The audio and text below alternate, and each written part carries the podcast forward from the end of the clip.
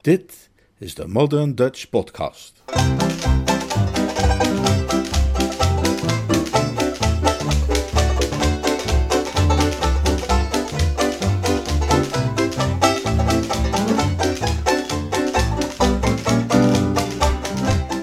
Jeeves en de Liefde. Een roman van P.G. Woodhouse, The Mating Season, vertaald en voorgelezen door Leonard Beuger.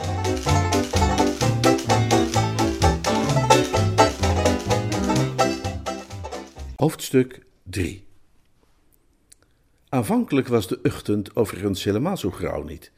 Zoals gewoonlijk op dit soort dagen, waarbij het venijn in de staart zit, begon hij zelfs opmerkelijk goed. Ik wist dat ik onze jonge Tos om 2 uur 53 uit zou mogen zwaaien op weg naar zijn verbeteringsgesticht aan zee, en ik ontbeet dan ook met een vrolijk lied op de lippen, terwijl ik tijdens de lunch al even opgewekt was gestemd. Ik bracht Tos naar Victoria Station, dumpte hem in de trein, stopte hem nog een pond toe en zwaaide hem na zoals een getrouwe neef betaamt, en na een kort bezoek aan de Queen's Club voor een spelletje squash keerde ik nog altijd even vrolijk huiswaarts. Tot dan toe was alles prima verlopen. Terwijl ik mijn hoed op de kapstok deponeerde en mijn paraplu in de paraplubak, bedacht ik nog dat als dit niet zo'n moment was waarop God vanuit de hemel tevreden neerzag op het werk zijner handen, het er toch wel verdraaid dichtbij in de buurt moest komen. Er was niet het geringste vermoeden van een aanwijzing, als u begrijpt wat ik bedoel, dat een bittere ontgoocheling vlak om de hoek gereed stond met de ploer doden reeds in de hand, klaar om mij een welgemikte klap in de nek toe te brengen. Het eerste dat mijn aandacht trok toen ik over de drempel stapte, was dat er aanzienlijk meer lawaai weerklonk dan passend was voor de behuizing van een keurige heer alleen. Door de gesloten deuren van de zitkamer viel het geluid te vernemen van een vrouwenstem die aanmoedigende kreten leek te slaken, welk gekrijs zich leek te vermengen met een luid geblaf als van honden op het spoor van de vos. Het was alsof mijn privévertrekken waren geselecteerd voor de jaarvergadering van het Engels Jagersgenootschap en mijn eerste aandrang was, zoals het spreekwoordelijke goede huisvaders betaamt, om dit eens grondig uit te zoeken. Niemand zal Bertie Wooster een zeurpiet willen noemen, maar er zijn momenten waarop zelfs hij een duidelijk standpunt meent te moeten innemen. Ik deed dus de deur open en werd onmiddellijk ondersteboven gelopen door een massief gedierte met een tong als van een miereneter. Die tong verkende enthousiast mijn gehele noordelijk halfrond, en nadat de mist enigszins was opgetrokken, bespeurde ik dat, waar ik in verstrikt bleek geraakt te zijn, in feite een harige hond was van onduidelijke, doch ongetwijfeld sterk gemengde afstamming. En naast ons, met een blik in de ogen als van een moeder die het kinderlijk gestoei van haar eerstgeborene beziet, stond Catsmeets zuster Corky. Is het geen schat? Vroeg ze. Is het geen absolute engel van een beest? Ik kon haar visie niet geheel en al delen. Het dier leek een hartelijke aard te bezitten en zonder meer spontane gevoelens voor mij te koesteren, maar fysiek gezien was het geen schoonheidskampioen. Hij zag eruit als Boris Karloff die zich voor het een of ander had verkleed. Corky, anderzijds, oogde als altijd weer verrukkelijk. Twee jaar in Hollywood hadden haar zo mogelijk nog weldadiger voor het oog weten te maken dan toen ze hier voor het laatst te, bewonderen was geweest. De jeugdige ster is typisch zo'n plezierig gewelfde schone van aangename lengte en verhoudingen naar het model van Gertrude Lawrence, en ook haar portret is altijd meer dan een enkele blik waard geweest. In rust vertoont haar fysionomie een soort meditatieve uitdrukking, alsof zij een zuivere blanke ziel was, van reine gedachten vervuld, terwijl zij in levendige stemming juist weer zo levendig is dat een mens zich volkomen herboren voelt door alleen maar naar haar te kijken. Haar ogen zijn glanzend kastanjebruin en haar wuivende lokken iets in dezelfde trant. Haar algehele uitstraling is die van een engel die een gezond en zuiver biologisch dieet volgt. Kortom, als je iemand mocht selecteren om mee op een onbewoond eiland te worden achtergelaten, was Hedy Lamar wellicht je eerste keus, maar Corky Purbright zou ongetwijfeld een hoge plaats innemen op de lijst van eervolle vermeldingen. Hij heet Sam Goldwyn, ging ze verder, terwijl ze het beest losrukte van mijn verfonfaaide en nog altijd op de grond uitgestrekte gestalte. Ik heb hem uit het asiel van Battersea. Ik stond op en droogde mijn gezicht af. Ja, dat had uh, me al verteld. Oh, dus jij hebt Catsmeet al gesproken, mooi. Op dat moment realiseerde zij zich kennelijk dat we het gebruikelijke hoi hoi hadden overgeslagen en nam ze even de tijd om te zeggen hoe leuk het was om me weer eens te zien. Ik zei natuurlijk hoe leuk het was om haar eindelijk weer eens te zien. En zij vroeg hoe het ging en ik zei prima. En toen vroeg ik hoe het met haar ging en zij zei prima. En vervolgens vroeg ze of ik nog steeds dezelfde sukkel was altijd. En ik kon haar nieuwsgierigheid ook op dat punt bevredigen. Ik ben gisteren bij je langs geweest in de hoop je even te kunnen spreken, maar je was niet thuis. Ja, dat heeft Jeeves me verteld. Een kleine jongen met rood haar heeft me allervriendelijkst bezig gehouden. Hij was jouw neefje, zei hij. Ja, dat is het zoontje van mijn tante Agatha, waar ze wonderlijk genoeg bijzonder op is gesteld. Hoezo wonderlijk genoeg? Hij is staatsvijand nummer één. Ze noemen hem de schaduw. Nou, ik vond hem anders wel aardig. Ik heb, uh, ik heb hem vijftig van mijn handtekeningen gegeven. Die gaat te verkopen aan jongens op school. Hij denkt dat hij er wel een piek per stuk voor kan krijgen. Hij heeft mij altijd bewonderd op het witte doek en wij konden het samen voortreffelijk vinden. Als twee Hollywoodse ja-knikkers, zeg maar. Catsmeet leek hem minder te mogen. Ja, hij heeft ooit een punaise op Catsmeets stoel gelegd. Ah, ja, dat zou natuurlijk een lichte wrijving kunnen verklaren. Maar over Catsmeet gesproken, heeft hij jou de tekst van die Pet and Mike sketch gegeven? Ja, die heb ik gekregen. Ik ben er gisteravond in bed aan begonnen. Mooi. Heel sportief van je trouwens, om ons te willen helpen. Ik heb haar maar niet verteld dat mijn hulp vooral het gevolg was van force majeure, uitgeoefend door een tante die geen tegenspraak gedoogt als dat de correcte uitdrukking is. In plaats daarvan vroeg ik haar wie mijn tegenspeler zou zijn in onze vrolijke melange van tijdloze scherts en actuele satire. Zij meldde me dat de kleinere, maar veel eisende rol van Mike zou worden vervuld door een acteur met de naam Dobbs. Ja, agent Dobbs, de plaatselijke veldwachter. En in dat verband, Bertie, is er iets dat ik je met de grootst mogelijke nadruk wil inpeperen. Als jij agent Dobbs te lijf gaat met je paraplu, hè, op de plaatsen waar het script dat verlangt, hou je dan vooral niet in. Geef dat stuk ongeluk gewoon zoveel mogelijk van Jetje. Ik wil een bont en blauw van dat toneel af zien strompelen. Het leek mij, want ik ben nogal vlot van begrip, dat zij kennelijk iets tegen deze Dobbs persoonlijk had. Dat zei ik dan ook tegen haar en ze gaf het meteen toe, waarbij een diepe frons het zuiver albast van haar voorhoofd groefde. Klopt. Ik ben erg gesteld op mijn arme oude oom Sidney en die botte smeris is een nagel aan zijn doodkist. Hij is de atheïst van het dorp. Oh ja, zeg, een atheïst? Daar ben ik ook nooit zo dol op geweest. Sterker nog, als, als jongen heb ik op kostschool ooit een prijs gewonnen voor bijbelkennis. Ja, nou, en die, die Dobbs die plaagt mijn oom Sidney door als hij voorbij komt plotseling uit zijstraatjes op te duiken en botte opmerkingen te maken over Jonas en de walvis. Die, die, die komische sketch is wat mij betreft een geschenk uit de hemel. Ik wil maar zeggen, hoeveel kansen krijg je nu in het normale leven om politieagenten met een paraplu voor hun kop te slaan? Hè? En, en, en als één agent een dergelijke behandeling verdient, dan is het wel deze agent Ernest Dobbs. Als hij geen misselijke opmerkingen loopt te maken over Jonas en de walvis, dan valt hij om Sidney wel lastig met irritante vragen over waar Kain zijn vrouw vandaan had en dergelijke. Die dingen zijn niet fijn voor een gevoelige geestelijke. Dus raak hem waar je hem kan raken, mijn engel, en bekommer je niet om de bloedspatten. Ze had het bloed van de Woesters in beweging weten te brengen en de Woesterse ridderlijkheid gewekt. Ik verzekerde haar dat tegen de tijd dat het volkslied op zou klinken in de oud-dorpshal, agent Dobbs zijn wonden zou kunnen likken en zij bedankte mij vriendelijk bij voorbaat. Dat gaat een geweldig optreden van jou worden, Bertie. Dat, dat durf ik je op een briefje te geven. Het publiek heeft grote verwachtingen van je. Het hele dorp heeft het al dagenlang over niets anders dan de komst van Bertram Wooster, de grote Londense komiek. Jij bent het hoogtepunt van het programma. En de hemel weet dat dit programma wel een paar hoogtepunten kan gebruiken. Oh, wie treedt er dan zo al op? Och, het schuim uit de buurt. En Esmond Haddock. Hij gaat een lied zingen. Uit de manier waarop ze zijn naam uitsprak, met een soort kille weerzin, alsof die naam haar lippen bevuilde, kon ik opmaken dat Catsmeet volkomen gelijk had gehad toen hij zei dat ze vreselijk pissig was over E. Haddock's vlindergedrag. Hij had me kennelijk terecht gewaarschuwd dat het onderwerp tactvol te benaderen was, dus ik koos mijn woorden zorgvuldig. Ah ja, Esmond Haddock. Catsmeet heeft me over hem verteld. Wat heeft hij je dan verteld? Oh, nou, zo het een en ander. Kwam ik daar ook in voor? Oh, tot op een zekere hoogte, ja. Wat zei hij dan? Nou, Volgens mij suggereerde hij, tenzij ik het verkeerd heb begrepen hoor, dat de genoemde Haddock, om zo te zeggen, niet helemaal betrouwbaar is gebleken. Volgens Cat Smith hadden jij en die moderne Casanova iets moois samen, maar heeft hij jou na het nodige gedartel en gewemel toch terzijde geworpen als de klassieke versleten handschoen en zich in de armen gestort van die Gertrude Winkworth. Klopt waarschijnlijk niet, hè, dat verhaal. Hij zal het wel weer allemaal hopeloos door elkaar hebben gegooid. Ze stortte haar hart uit. Ik neem aan dat een meisje dat al wekenlang zwaar de P in heeft vanwege een op meerdere plaatsen gebroken hart, op den duur toch wel het gevoel krijgt dat maagdelijke trots natuurlijk iets heel moois is, maar dat de ziel pas werkelijk rust kan vinden wanneer een mens zich uitspreekt.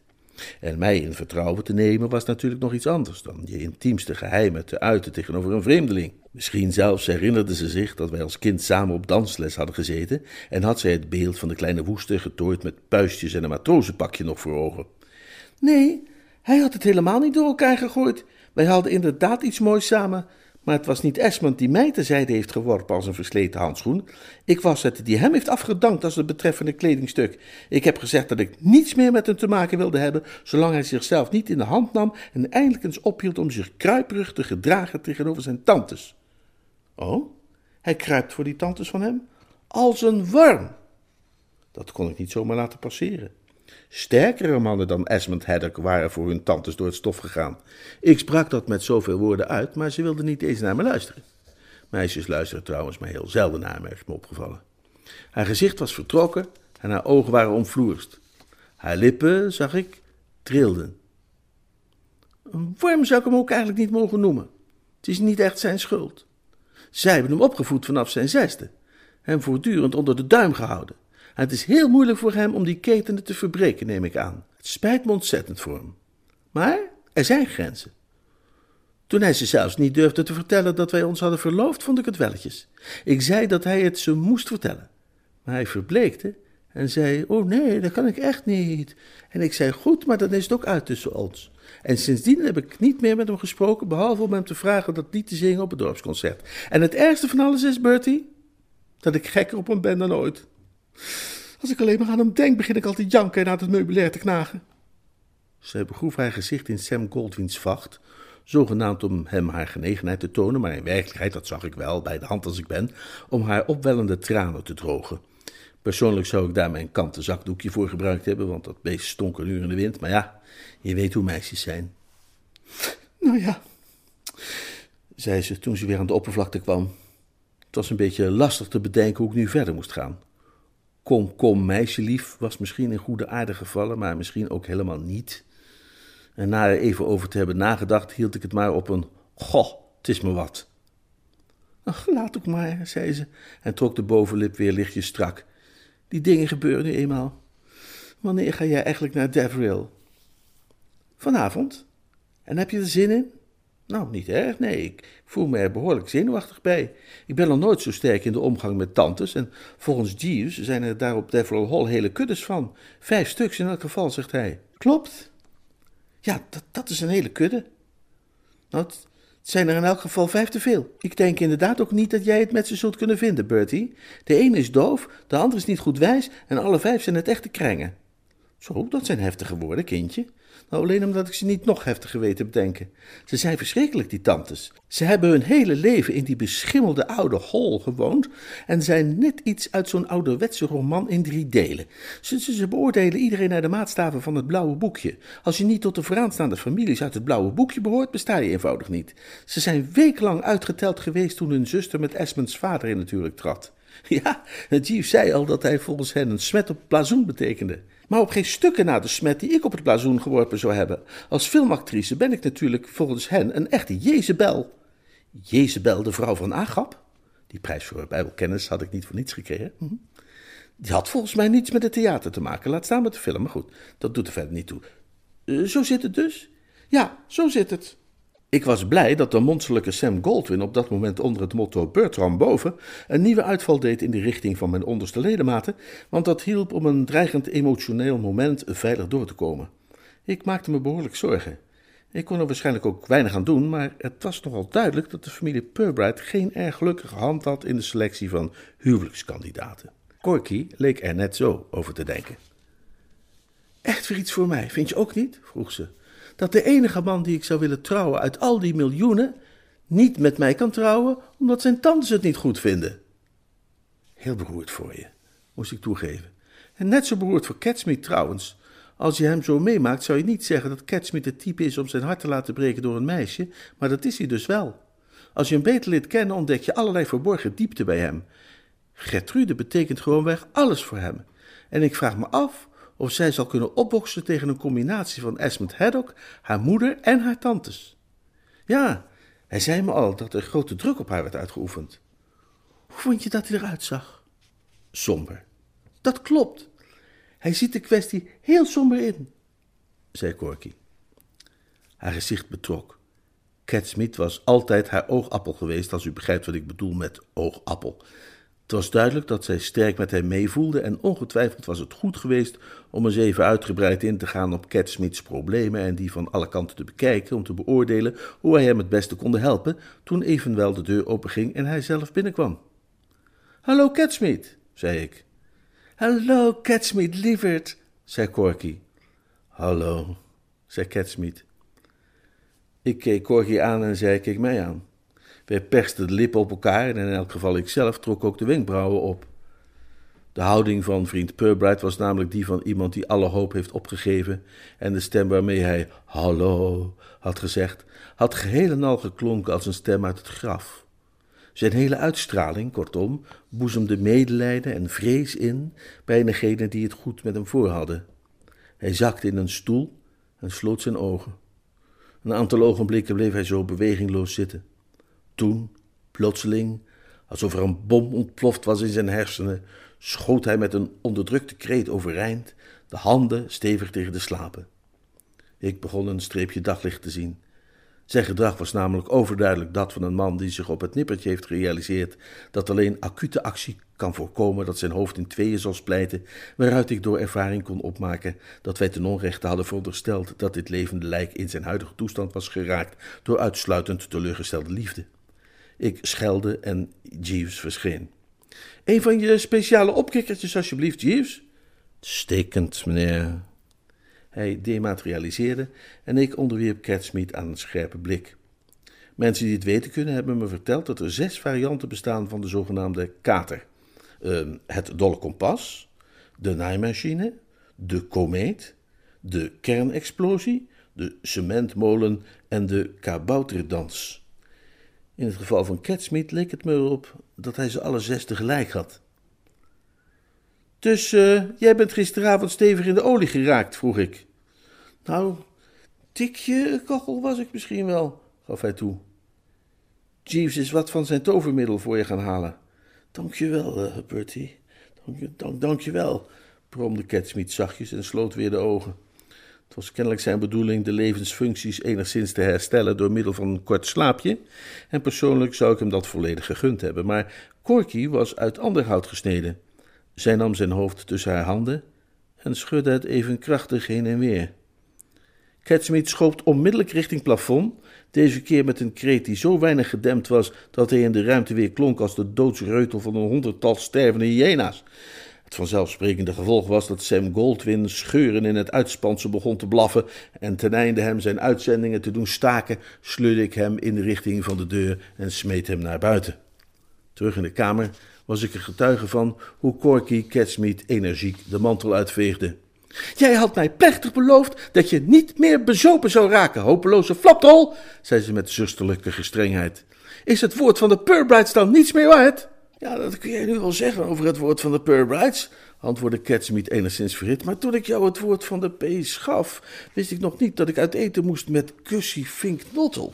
En Bertie hier kan bevestigen dat het voor een mens onmogelijk is om een avond door te brengen met Gussie alleen, zonder gebruik te maken van stimulerende middelen in aanzienlijke hoeveelheden.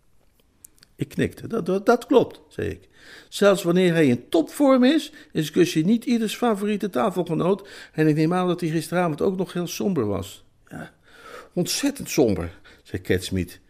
In het moeizame begin van mijn theatercarrière ben ik wel eens op een druilerige zondagmorgen in Southport aangekomen. Gussie gaf me gisteren datzelfde gevoel van hopeloze verlatenheid. Hij zat daar maar met opengevallen mond en staarde me aan als een schelvis. Gussie, legde ik uh, uit, heeft ruzie gehad met uh, zijn verloofde. Nou, na een tijdje begreep ik dat ik maar één kind kon doen als ik die kwelling wilde overleven.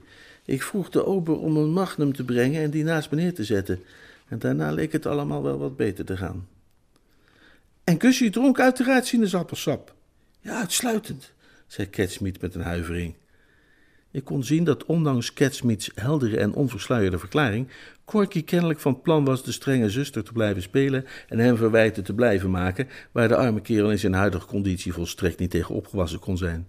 Zelfs de beste vrouwen kunnen het immers niet nalaten om de volgende ochtend toch te gaan zeuren. Ik deed daarom mijn best het gesprek voor te zetten op een neutrale toon. En waar hebben jullie gegeten? In het Dorchester. Ben je daarna nog ergens heen gegaan? Oh ja. Waar dan? Op allerlei plekken. East Dulwich, Ponders End, Limehouse. Hoezo Limehouse? Ja, dan had ik, had ik altijd alles willen zien. En ik had een vaag idee dat ik dan de troosteloosheid van die buurt zou kunnen vergelijken met die van mij. Wat East Dulwich en Ponders End betreft, dat weet ik eigenlijk niet. Misschien heb ik daar wel eens iemand iets positiefs over horen zeggen. Of wellicht had ik alleen behoefte eens nieuwe gezichten te zien. Ik had een taxi geregeld voor de hele avond en daarin hebben we wat rondgezworven en van de bezienswaardigheden genoten. Uiteindelijk zijn we op Trafalgar Square terechtgekomen. Hoe laat was het toen? Een uur of vijf s morgens. Ben jij wel eens op Trafalgar Square geweest om vijf uur in de ochtend? Ze is heel schilderachtig. Die fontein in het eerste ochtendlicht. We stonden aan de rand van de fontein toen de zon juist de toppen van de huizen in een gouden gloed begon te zetten. En ik een idee kreeg dat op dat moment fantastisch leek, maar waarvan ik nu wel inzie dat het een vergissing was. Wat voor idee? Nou, ik dacht opeens dat er best wel eens watersalamanders in die fontein zouden kunnen zitten. En omdat ik weet hoe dol Gussie op die beestjes is, raadde ik hem aan om eens wat door die fontein te waden om ze te zoeken. Met al zijn kleren aan. Ja, hij had zijn kleren aan. Dat, dat, dat viel me nog wel op, ja. Maar je kunt toch niet gaan lopen pootje baden in de fontein op Trafalgar Square met al je kleren aan? Oh ja hoor, ik heb het kusje zien doen. Mijn herinnering is een beetje vaag, maar ik geloof dat er wel wat overtuigingskracht voor nodig was. Ja, dat is waar. Nu weet ik het weer, zei Catsmeet opklarend. Ik, zei tegen hem dat hij door die fontein moest gaan waden, maar daar had hij helemaal geen zin in. En toen zei ik dat als hij het niet deed, ik hem een dreun voor zijn harsen zou geven met mijn magnum. En, en, en, en, en toen ging hij dus wel uh, waden. Oh, dus jij had nog steeds die Magnum? Nee, dit was een nieuwe die we ergens in Limehouse hadden opgepikt. En Gussie ging dus de fontein in. Ja, Gussie ging de fontein in. Nou, zo'n wonder dat hij niet meteen werd gearresteerd. Nou, dat werd hij ook, zei Catsmeet. Er kwam een agent aan en die greep hem in zijn kraag. En vanmorgen heeft hij veertien dagen onvoorwaardelijk gekregen van de politierechter in Bosher Street. De deur ging open. Sam Goldwyn draafde naar binnen en wierp zich aan mijn borst alsof we twee lang gescheiden gelieven waren. Hij werd gevolgd door Jeeves, die een dienblad droeg met daarop een glas van zijn vloeibare dynamiet.